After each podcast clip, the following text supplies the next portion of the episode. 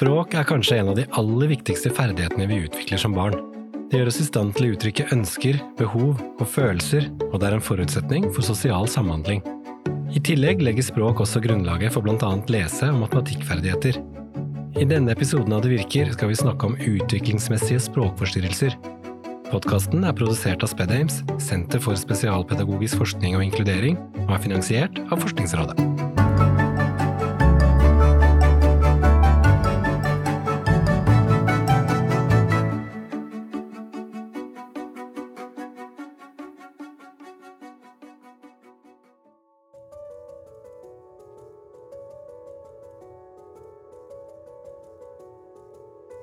Da jeg var veldig liten, så um, vokste jeg opp med en veldig eh, redd følelse med at jeg følte at jeg ikke kunne snakke. Og eh, det slet jeg jo med veldig. Så det endret jo veldig store, store deler av eh, livet som liten. Jeg følte jeg ikke klarte å ah, Nei, si et eneste ord, egentlig. Jeg heter Vetlem. 17 år og har sliter med spesifikke språkvansker.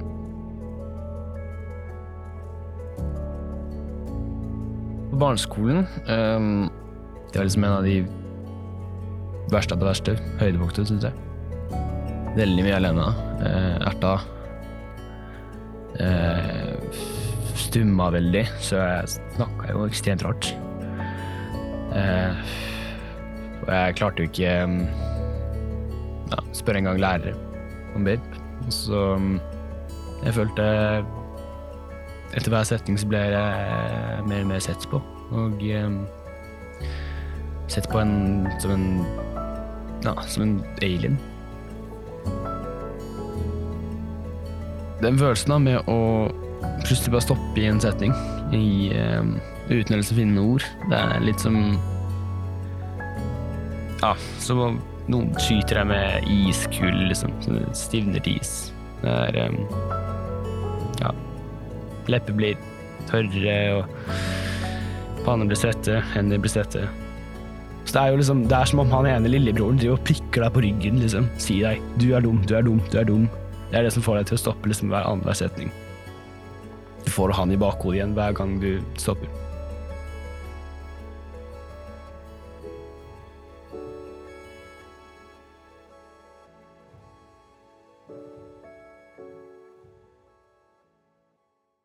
Velkommen til femte episode i denne podkasten.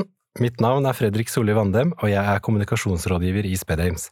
I studio i dag har jeg med meg Frøydis Morken. Hun er utdannet logoped og jobber som førsteamanuensis ved Institutt for biologisk og medisinsk psykologi ved Universitetet i Bergen. Velkommen. Tusen takk. Min andre gjest heter Sissel Ingvaldsen. Hun er utdannet psykolog og jobber i avdeling språk-tale i Statped med barn og unge med språkforstyrrelser. Velkommen til deg. Takk.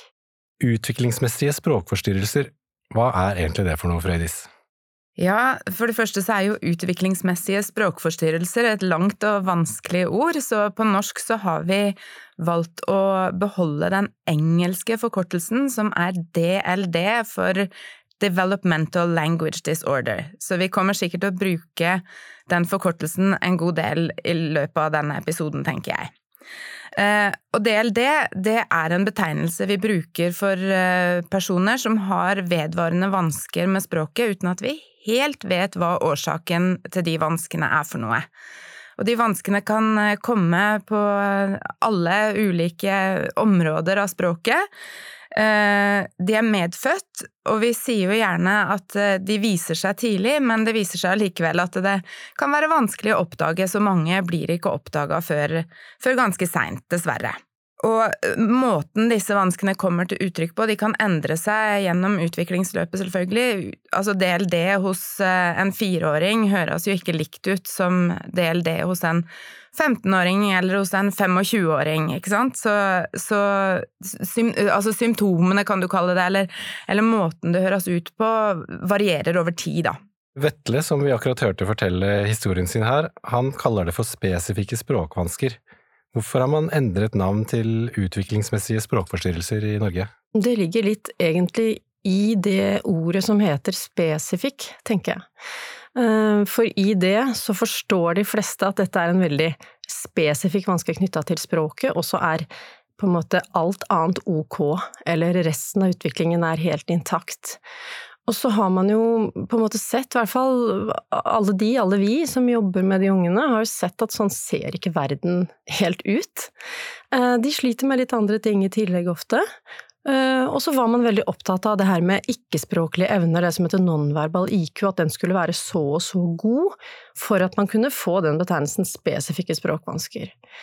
Og så har man undersøkt det her litt, og så har man sett at du, de ungene de, som, som, også sliter med nonverbal IQ, de profitterer også masse på å jobbe med språket og få tiltak retta mot språklige ferdigheter. Så um, det å kalle det uh, utviklingsmessige språkforstyrrelser, sånn som vi har blitt enige om nå, det, det gjør at skal si, den, den rommer flere barn. Den er på en måte, det er en romsligere diagnose uh, eller term, og det gjør at flere Eh, har rett på tiltak og hjelp. Eh, når alle er enige om at det er dette det skal hete, så er det også litt lettere å fange opp disse ungene. Og, vi kan litt lettere kommunisere med hverandre, altså både vi som jobber med dem og er fagfolk, og forskere som skal forske på dette området, og, foreldre som skal kommunisere kanskje til lærer hva det er med sitt barn, ikke sant, at vi har et felles språk og en felles term. Um, så, så de, de, har gått da bort fra det spesifikke over til det utviklingsmessige mer, og understreker også det med forstyrrelse, som sier noe om at vansken er ikke veldig smal, den får ganske vidtrekkende konsekvenser. Vet vi noe om hva som er årsaken til at noen utvikler eh, DLD?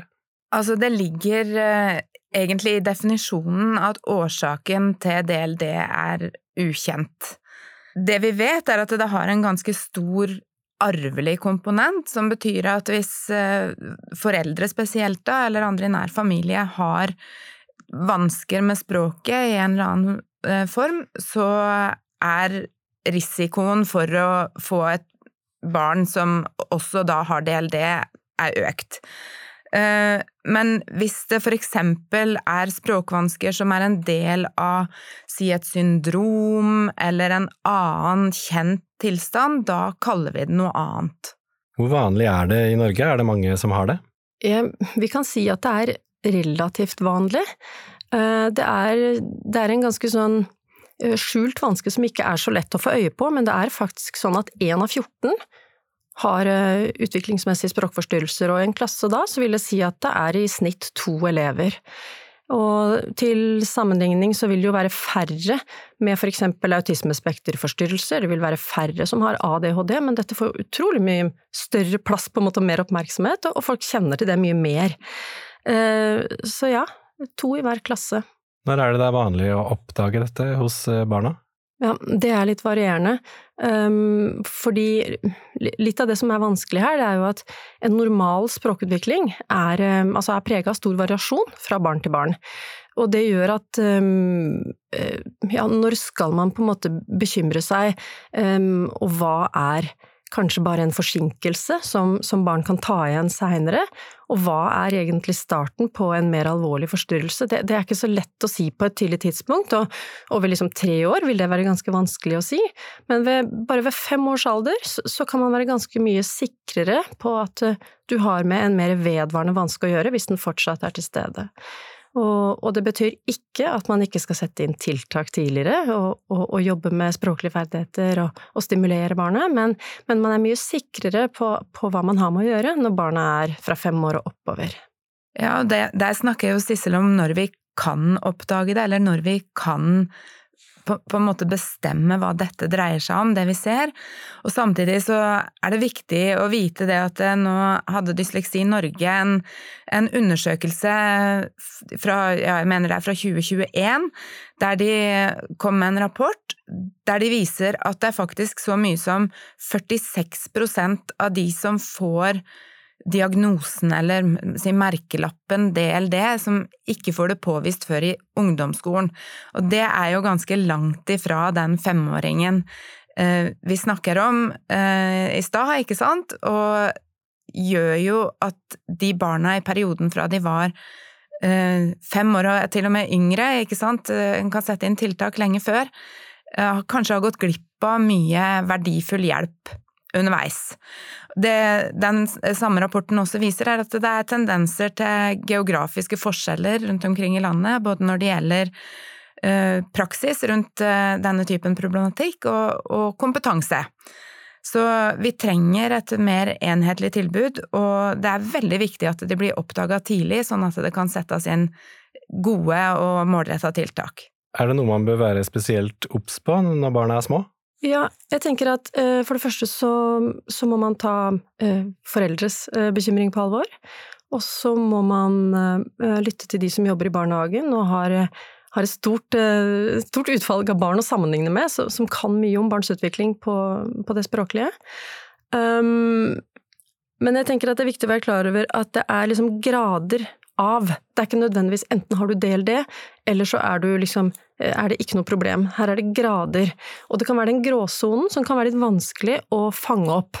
Eh, de aller største og tydeligste vanskene, de, de, kan man for det første ofte høre, men det er også mange ting ved språkutvikling og avvikende språkutvikling som ikke er mulig å høre, som går med på forståelse.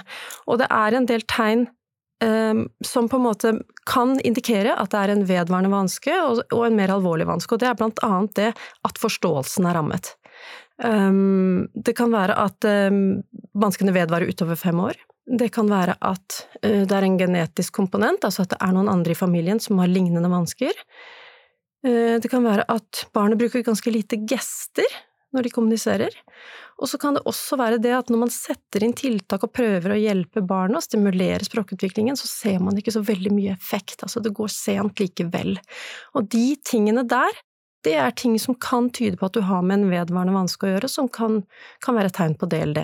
Barn som har DLD, hva er det de typisk strever med? Ja, det kan en jo se på, holdt på å si, litt ulike forklaringsnivå. En kan se på først det en ser på overflata, ikke sant, det vi, det vi, kan observere og det vi kan høre, gjerne.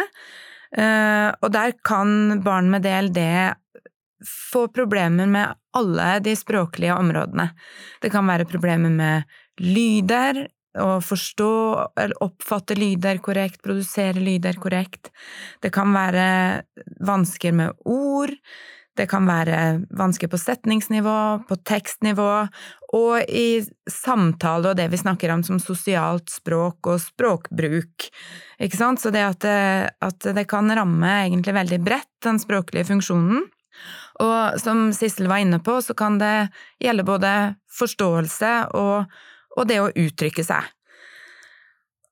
Og så kan vi se på neste nivå, og det er jo det kognitive nivået, altså disse mer underliggende mentale egenskapene som, som støtter opp under, under, språkfunksjonen. Og det kan da gjelde både mer spesifikt språklige faktorer og mer generelle ikke-språklige faktorer. For eksempel så ser vi det at eh, barn og, og for så vidt personer eldre også med, med DLD kan, kan ha vanskeligheter med prosesseringshastighet når det gjelder språklige stimuli, de kan ha vansker med korttidsminne og arbeidsminne og sånne mer generelle, generelle faktorer, og også det å lære seg ferdigheter og prosedyrer og sånne ting kan, kan, være litt vanskelig. Og det kan jo gjøre det vanskelig å, å lære ting generelt og huske det en har lært. Og for så vidt også å følge instruksjoner. Og da er vi jo på en måte inne på det vi snakker om som risikofaktorer, ikke sant, fordi at dette er jo alle egenskaper som varierer i befolkningen. Noen husker litt bedre enn andre, og noen er på en måte bearbeider ting litt raskere enn andre, for eksempel. Men så blir det litt sånn at hvis mange av disse er lave, så kan det få konsekvenser eh, for det en, en, hører, og det på en måte personens evne til å bearbeide språk. Både input og output, kan du si. Ja, altså det du sier der, det tenker jeg er liksom viktig, det med både input og output, fordi av og til er output faktisk ganske bra.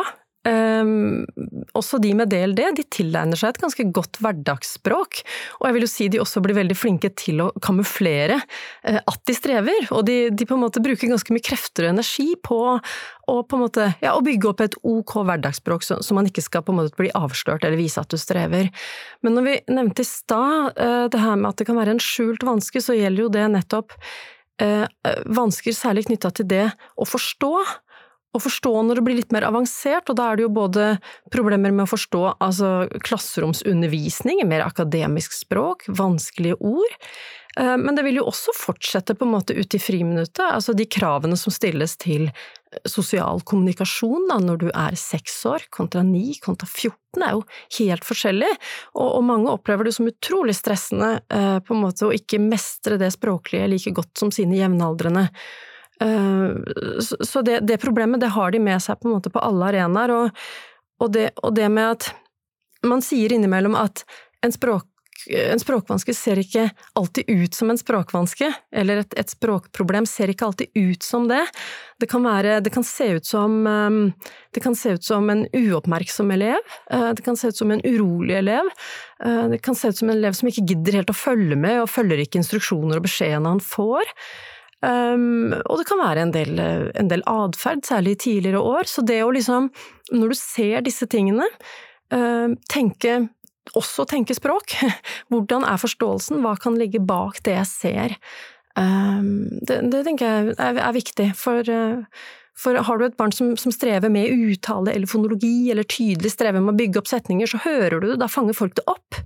Så det blir liksom de som har et ok hverdagsspråk, som, som eh, står i fare for å gå under radaren, og som faktisk kanskje eh, egentlig har det alvorligste problemet knytta til nettopp læring og det sosiale. Ja, for Vetle han forteller jo at han strevde med det sosiale da han begynte på skolen.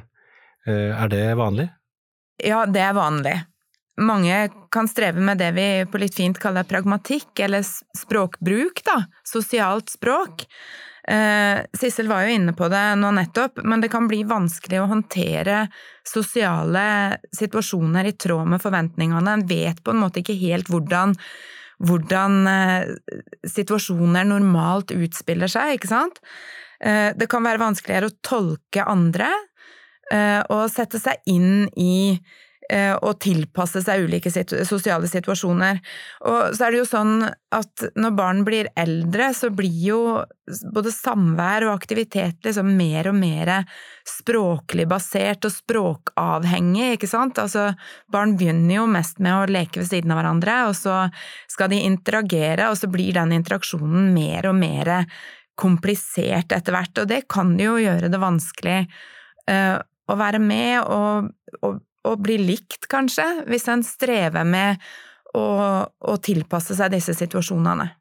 Nå jobber jo vi i Statped med de som har relativt alvorlige forstyrrelser, så kan det være litt farget av det, men jeg vil si at eh, for de fleste vi møter, så er det, det er ganske mange ensomme barn og ensomme elever rundt i norske skoler, altså.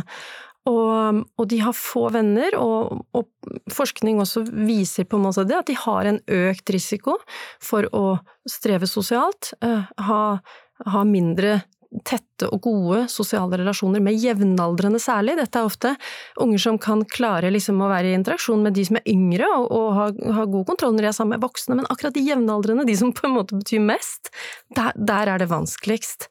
Og det, på sånne selvrapporteringer også, så kommer det fram at ja, de scorer også seg selv som å fungere dårligere enn de typisk utviklede. Og og da må man jo samtidig si at, at, mange klarer seg fint, det er ikke det, men, men jeg må si de fleste vi møter, de, de, strever sosialt, og de har et ønske om å være mer sosiale enn det de klarer å få til. Så, så jeg tenker det er um, det, det, er en del unger som, som, er frustrert, og som er mer isolert enn det de ønsker, og um, man snakker av og til at det kan bli en sånn litt negativ spiral, på en måte, ved at du har en språkforstyrrelse, så, får du på en måte litt Du har med deg litt dårlig selvtillit inn i sosial interaksjon med andre, og så trekker du deg litt unna, for du vil liksom beskytte deg litt, og dermed så får jo de på en måte ungene som trenger det mest, får jo enda færre sosiale erfaringer. Og så blir det en sånn spiral, for da trekker du deg kanskje enda mer unna, for du har ikke øvd deg nok. Og så, så derfor så Akkurat det med tilbaketrekking og sånn, det, det, det, liker vi litt dårlig, på en måte. For det, den spiralen, den, den, skulle vi veldig gjerne ønske at vi kunne snudd, for mange elever. Eh, for jeg tror eh, veldig mange, veldig mange med, med, DLD har et veldig sånn genuint ønske om å være mer sosiale enn det de, det de er, da. Utviklingsmessige språkforstyrrelser, eller DLD, det er jo en diagnose. Tenker du at vi trenger sånne diagnoser? Jeg har lyst til å svare eh, ja på det. eh, I en eh, ideell verden så, så, skulle vi ikke trengt diagnoser, alle skulle bare trengt det de hadde behov for, det skulle de fått. Um, men det er viktig at det fins, om, om, ikke vi kaller det diagnose her, siden diagnose er noe som settes i spesialisthelsetjenesten, så er det likevel den termen vi har bestemt oss for å bruke i Norge på denne gruppen av barn. Og og det som er viktig, er at vi klarer å identifisere denne gruppen av barn, fordi de trenger hjelp og støtte gjennom skoleløpet sitt. Og vi må kunne på en måte vite hva de trenger, og vi må kunne snakke med hverandre om, om hva denne gruppen trenger, og hvem de er. Jeg tenker også det at uh, uh, forskning på dette feltet ligger også litt etter. Vi, vi nevnte det med autismespekter i stad, og, og ADHD, som det jo fins færre av en del det. Likevel så er det mye mer forskning på disse områdene. Og det å bli enig om en felles terminologi kan også være viktig for at uh, man kan forske på området og kommunisere det godt ut. Um, og, og, i dag så er det jo veldig eh, greit å si at jeg har dysleksi, ikke sant? Og det betyr at eh, jeg strever med lesing, og jeg bruker litt lengre tid på det, og jeg trenger noen hjelpemidler kanskje til diktering og få lest ting opp. Kanskje om fem år, kanskje om ti år så er DLD på samme måte, at du kan si at ja, jeg har noe som heter DLD, å ja, men da trenger du en del visuell støtte, og da trenger du at jeg snakker litt saktere til deg. Så, så for den som har det også, det at dette har et navn som du kan si at jeg har DLD, og så, og så kan man bli møtt med noe mer forståelse da, tenker jeg kjempeviktig. Ja, jeg tror i tillegg at det kan for mange være godt å få et navn på det de strever med, for det gjør det jo blant annet også lettere å, å, søke informasjon, ikke sant, altså, og foreldre som kanskje har vært i en situasjon der de ikke helt forstår hva som, hva som foregår, ikke sant, og, og sånn, så, så, kan de gjennom å få et navn, så det er det mye lettere å google det, ikke sant, uh, og, og få litt mer kunnskap man skal jo ikke ha noe sånn helt overdreven tro heller på hva en diagnose vil si for deg. Eller altså, det er ikke sånn at i Norge så, så har du rett på, på den opplæringen og den spesialundervisningen du skal ha uansett, så dette utløser jo ikke noe sånn helt spesielt. Um, men jeg, så når vi møter disse ungene, så tenker vi jo uansett hvem er dette barnet, og, og, og hva, er liksom, hva, er styrkene her, hva er utfordringene her, det vil vi uansett gjøre, men, men jeg tenker at det er, det er veldig viktig at vi har et felles språk når vi snakker om disse ungene. Er uttalevansker og språkvansker det samme, eller er det ikke det? Nei, det er ikke det. Uh, en kan godt ha uttalevansker eller artikulasjonsvansker uten at det er en del av et DLD-bilde. Men samtidig så kan personer med DLD ha en uttalevanske. Så, men det er ikke noe likhetstegn mellom de to, og, og, og, det er ikke sånn at en skal tenke at hvis et, et barn strever med å, å, si lyder og ord sånn som en skal, så er ikke det nødvendigvis på grunn av at de har en utviklingsmessig språkforstyrrelse. Er det sånn at barn som er flerspråklige, lettere kan utvikle språkforstyrrelser? Det korte svaret her er nei. Eh, en får ikke språkforstyrrelser av å være flerspråklig. Og samtidig så kan det å være flerspråklig, eller kanskje spesielt å ha, i vårt tilfelle, da, norsk som sitt andre språk, kan gjøre det litt vanskeligere å finne ut av om et barn har en språkforstyrrelse eller ikke. Fordi at på en måte det en, en forventer av et flerspråklig barn, eller et, et barn med norsk som sitt andre språk, er jo at de har litt, litt, problemer som du kanskje ikke ser så mye av eh, hos barn som har norsk som sitt førstespråk. Og det fins jo absolutt flerspråklige barn som også har DLD. Eh, og det kan være vanskelig for fagfolka også å, å, på en måte skille de to fra hverandre, da. Men eh, en får absolutt ikke DLD av å vokse opp som flerspråklig, og det viktige rådet til foreldre som har en flerspråklig familie, det er å bruke det språket de har det best med sjøl hjemme. Vi har jo snakket en del om eh, skole og sånn, eh, men hvordan kan dette påvirke livet utenfor skole og barnehage, Sissel? Jo, jeg tenker sånn at uh, det er rett og slett ikke noe pause fra språk. det er med oss overalt. Um, så det, når, når, skolen er slutt og folk går ut, så, så er det fortsatt masse språklige krav i verden. Um, så jo, de språklige kravene de er der hele tida, og jo eldre uh, ungene blir, jo, jo mer nyansert samspillet blir, jo, jo større språklige krav. Um, så jeg vil jo bare tenke sånn at den en, en språkforstyrrelse, den, den, er nok med uansett hvor du er hen.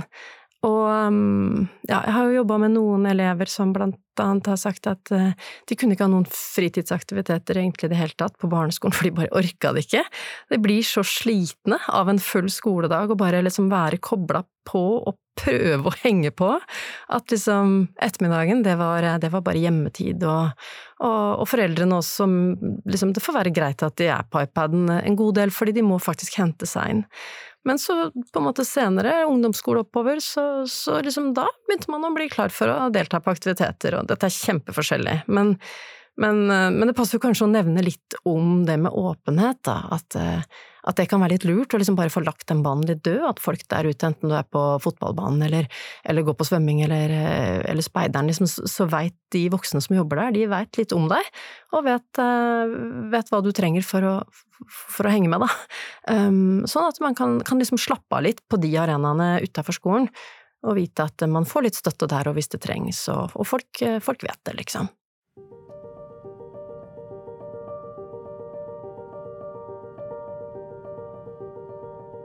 I dag går jeg på eh, Natur videregående på Fuglset og har ordinære timer. En veldig stor um, forskjell jeg har gjort i livet mitt, det er å fra liten til større, så har jeg klart å um, ta meg vekk den følelsen. Da. Han tar vekk han lille lillebroren som driver prikker på ryggen. Han har jeg klart å skubbe vekk.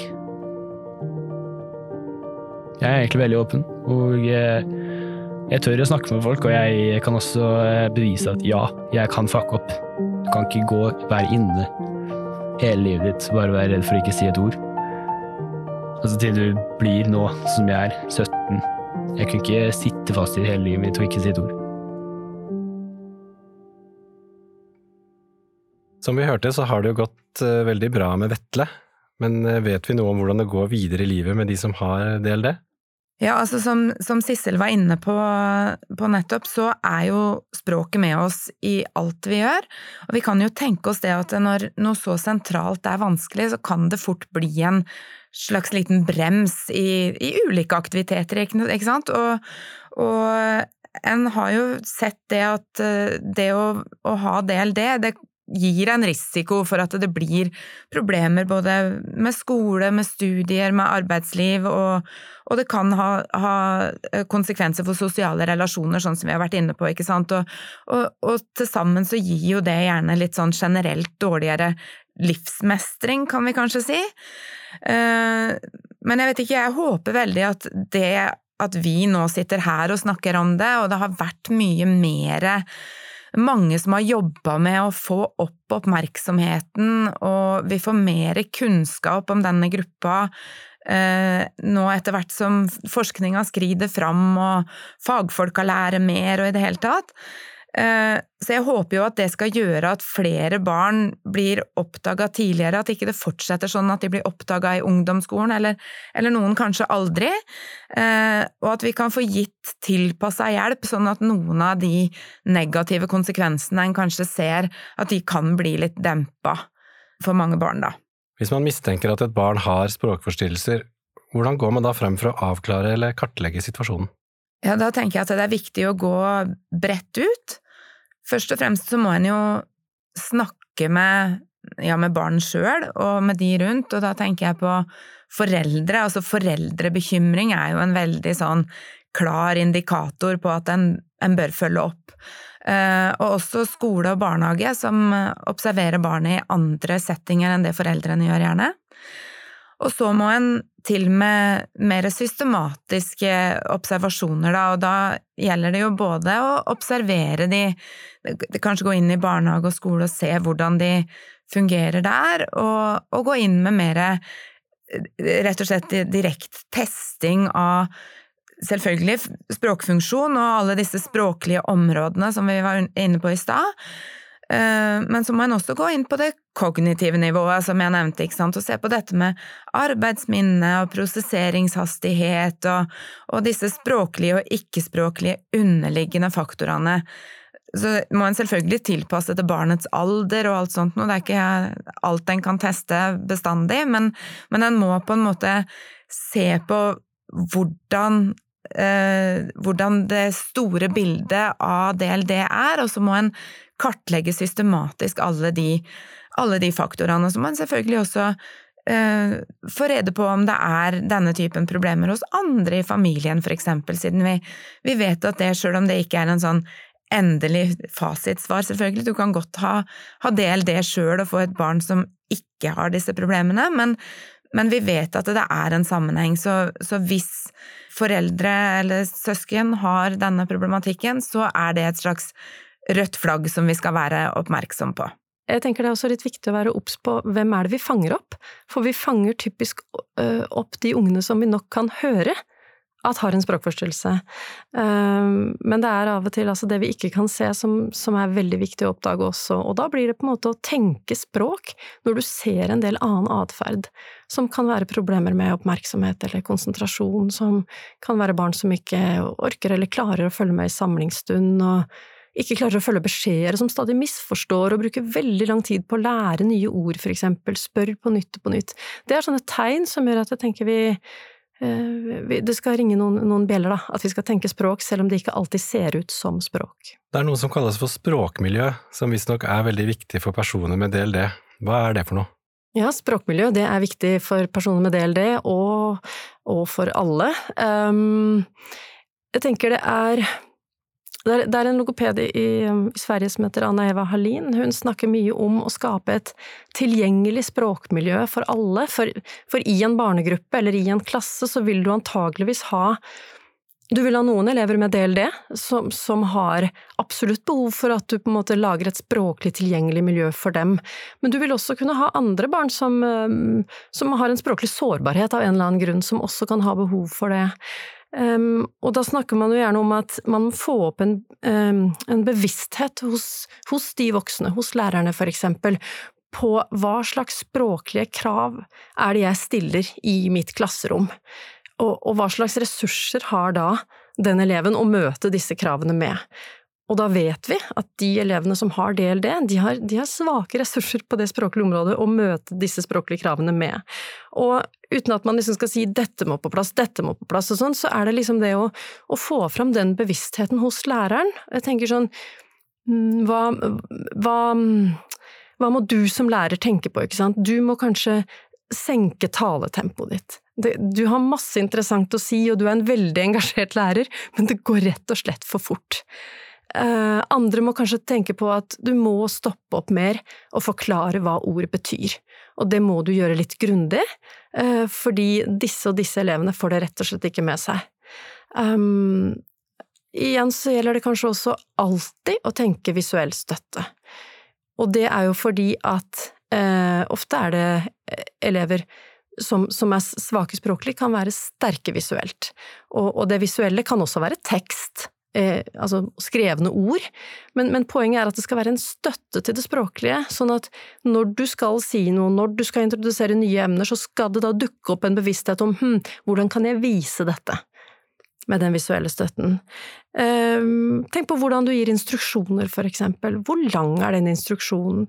Har du pakka utrolig mye informasjon i samme type oppgave, samtidig som de skal skrive noe, produsere, trekke ut essensen, lage en egen vurdering? Altså, plutselig har du masse språklige krav i en og samme instruksjon. Kan jeg dele opp den, så den blir mer oversiktlig, og den eleven lettere kan få vist hva han kan? Så jeg tenker, alle de tingene, da, det er jo bare eksempler, men jeg tenker det handler om den bevisstheten på hvordan skal jeg gjøre språket mitt så tilgjengelig eh, som mulig. Ja, nå snakker jeg jo eh, Sissel her eh, i hovedsak fra et skoleperspektiv, så jeg kan jo kanskje legge til litt om, eh, om barnehagen. Og der er det jo kanskje minst like viktig for alle barn at det er et, et, et, godt språkmiljø, og at språket er noe en jobber aktivt med hver eneste dag. Uh, og der er det jo egentlig ganske enkle grep en kan gjøre. Det er det å ha det vi kaller for en responsiv kommunikasjonsstil, ikke sant, der man, man svarer barna, interesserer seg for det de har å fortelle, og stiller oppfølgingsspørsmål, ikke sant, forklarer, kan omformulere når, når, ting kommer ut litt feil, ikke sant, og, og utvide, ikke sant. Eh, legge til litt ekstra informasjon når du snakker tilbake til barnet. Og så er det det her med å gjøre noe så på en måte enkelt, eller for noen også litt rart, å sette lyd på det du gjør, kan man kanskje snakke, snakke om, ikke sant? Det er en, en på en måte sier alt en gjør uh, med stemma si, ikke sant, sier ja, nå skal vi knyte skolissene, kan du hente skoa, nå tar vi på skoa, uh, nå, nå, trekker jeg opp glidelåsen, ikke sant, altså uh, det høres jo selvfølgelig litt kunstig ut, sånn som jeg sier det nå, men, men en vil nok oppdage det at hvis en har et visst fokus på det med barn, så kan det, kan det fungere ganske greit og, og, gli bra. Og ellers er det jo det som mange tenker på og snakker om når vi snakker om det med språk, språkarbeid med barn, er jo det med å lese bøker og forklare ord underveis, som, som Sissel var inne på, ikke sant, og, og snakke om både handlinger og begreper og, og sånne ting. Dere har jo nevnt tiltak tidligere. Hva er det som er gode spesialpedagogiske tiltak for barn med språkforstyrrelser? Å, ja, det er, eh, det er et veldig stort spørsmål. Og det er mange flinke pedagoger og spesialpedagoger der ute som gjør utrolig mye bra. Eh, og, og det er litt lett å svare sånn ja, det kommer an på. Eh, men hvis man skal prøve å løfte fram noe, så er det jo det at det kommer an på barnet, det kommer an på språkforstyrrelsen det barnet har. Um, og så er det viktig å si at det finnes ikke én bestemt eh, kur for dette, dessverre. Det finnes ikke ett tiltak som du kan rulle ut, og så, og så, på en måte er det Så har man gjort det man skal. Um, det som blir viktig å tenke, det er at her må vi liksom De voksne um, må få hjelp til å sette seg ned og tenke her må vi finne noen tiltak så, vi får støtta denne eleven godt, og vi må kunne gjøre det over tid. Det må være gjennomførbart, og vi må gjøre det over tid. Jeg uh, tenker det motsatte av et liksom stunt nå og da. Og hva som er gode spesialpedagogiske tiltak, det kan være kjempeforskjellig, men jeg tror at man kan tenke tiltak på en sånn helhetlig måte, eh, hvor det ene man gjør, det er at man prøver å utvikle og strekke de språklige ferdighetene som akkurat denne eleven uh, sliter mest med. Det kan være at vi altså, Ganske sånn basic, holdt jeg på å si, og man sier det hele tida at man må jobbe med begreper, men man må virkelig jobbe godt uh, og, og, med vokabular på, på en grundig og god måte. Uh, det er en ganske vanlig språklig ferdighet som man er nødt til å jobbe med. vokabular.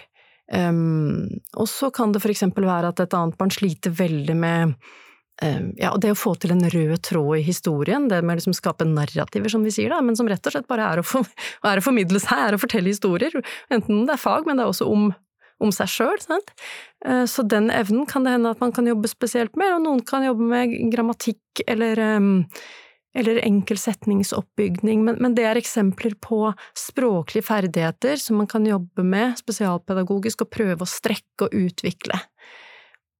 Men mens man gjør det, så tenker jeg man skal ha et par ting eh, et par tanker i hodet samtidig. Og det, og det andre da, det vil være å, å liksom få lov å kompensere for de vanskene man har. Her kommer jo gjerne digitale hjelpemidler inn, ikke sant. Og, og det tredje jeg ville lagt på også, det, det er det med gode læringsstrategier. Eh, å lære seg å lære på en måte som funker for akkurat den eleven som har DLD. Eh, om det er om det er eh, digitale tankekart, om det er tankekart eh, han eller hun liker å tegne sjøl. Eh, og liksom få den visuelle støtten, systematisere kunnskapen som du skal prøve å huske, ikke sant, og få det visuelt, og, som du kan bla tilbake til og hente fram igjen. Men, men, men det å tenke helhet, og tenke liksom strekke språklige ferdigheter, få lov til å kompensere, og, og, lage seg gode strategier. Hvis man liksom klarer å ha de tre tingene litt med seg, og lage et litt sånn godt stillas med de tingene, så, så tror jeg det ville være bra. Hvis man er forelder til et barn med DLD, hva er det man burde gjøre da for å hjelpe til? Jeg syns at foreldre skal senke skuldrene. Jeg har litt lyst til å ta litt eh, vekt av skuldrene deres, rett og slett. For eh, jeg tror at det beste foreldre gjør, er å ha et hyggelig familieliv der de gjør ting sammen og snakker med barna sine og interesserer seg for barna og det de har lyst til å prate med dem om.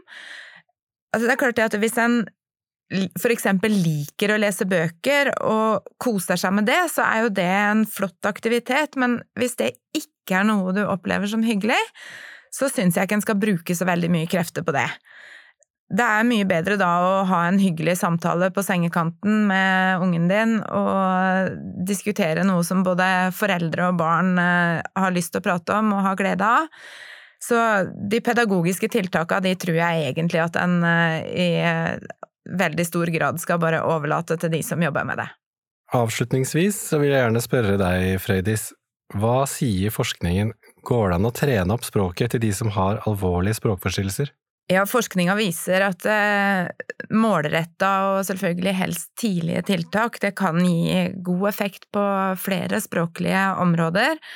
Eh, de tiltakene de bør nok eh, likevel være systematiske, og som Sissel var inne på i stad, må de på en måte være skreddersydde til den enkelte, og være tilpassa det barnet og, og, det barnets språklige profil. Så det, det, krever jo spesialisert fagkompetanse å utarbeide en god tiltaksplan, men, men bildet er ikke på noen måte svart her, altså.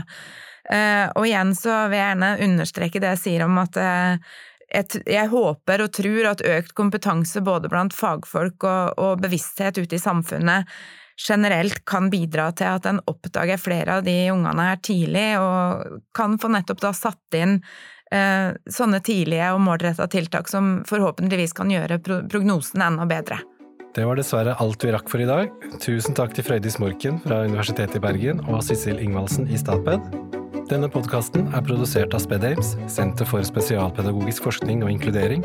SpedAmes er finansiert av Forskningsrådet og har et samarbeid mellom Universitetet i Stavanger, Universitetet i Oslo, Universitetet i Bergen, Nord universitet og Universitetet i Agder. Takk for at du hørte på.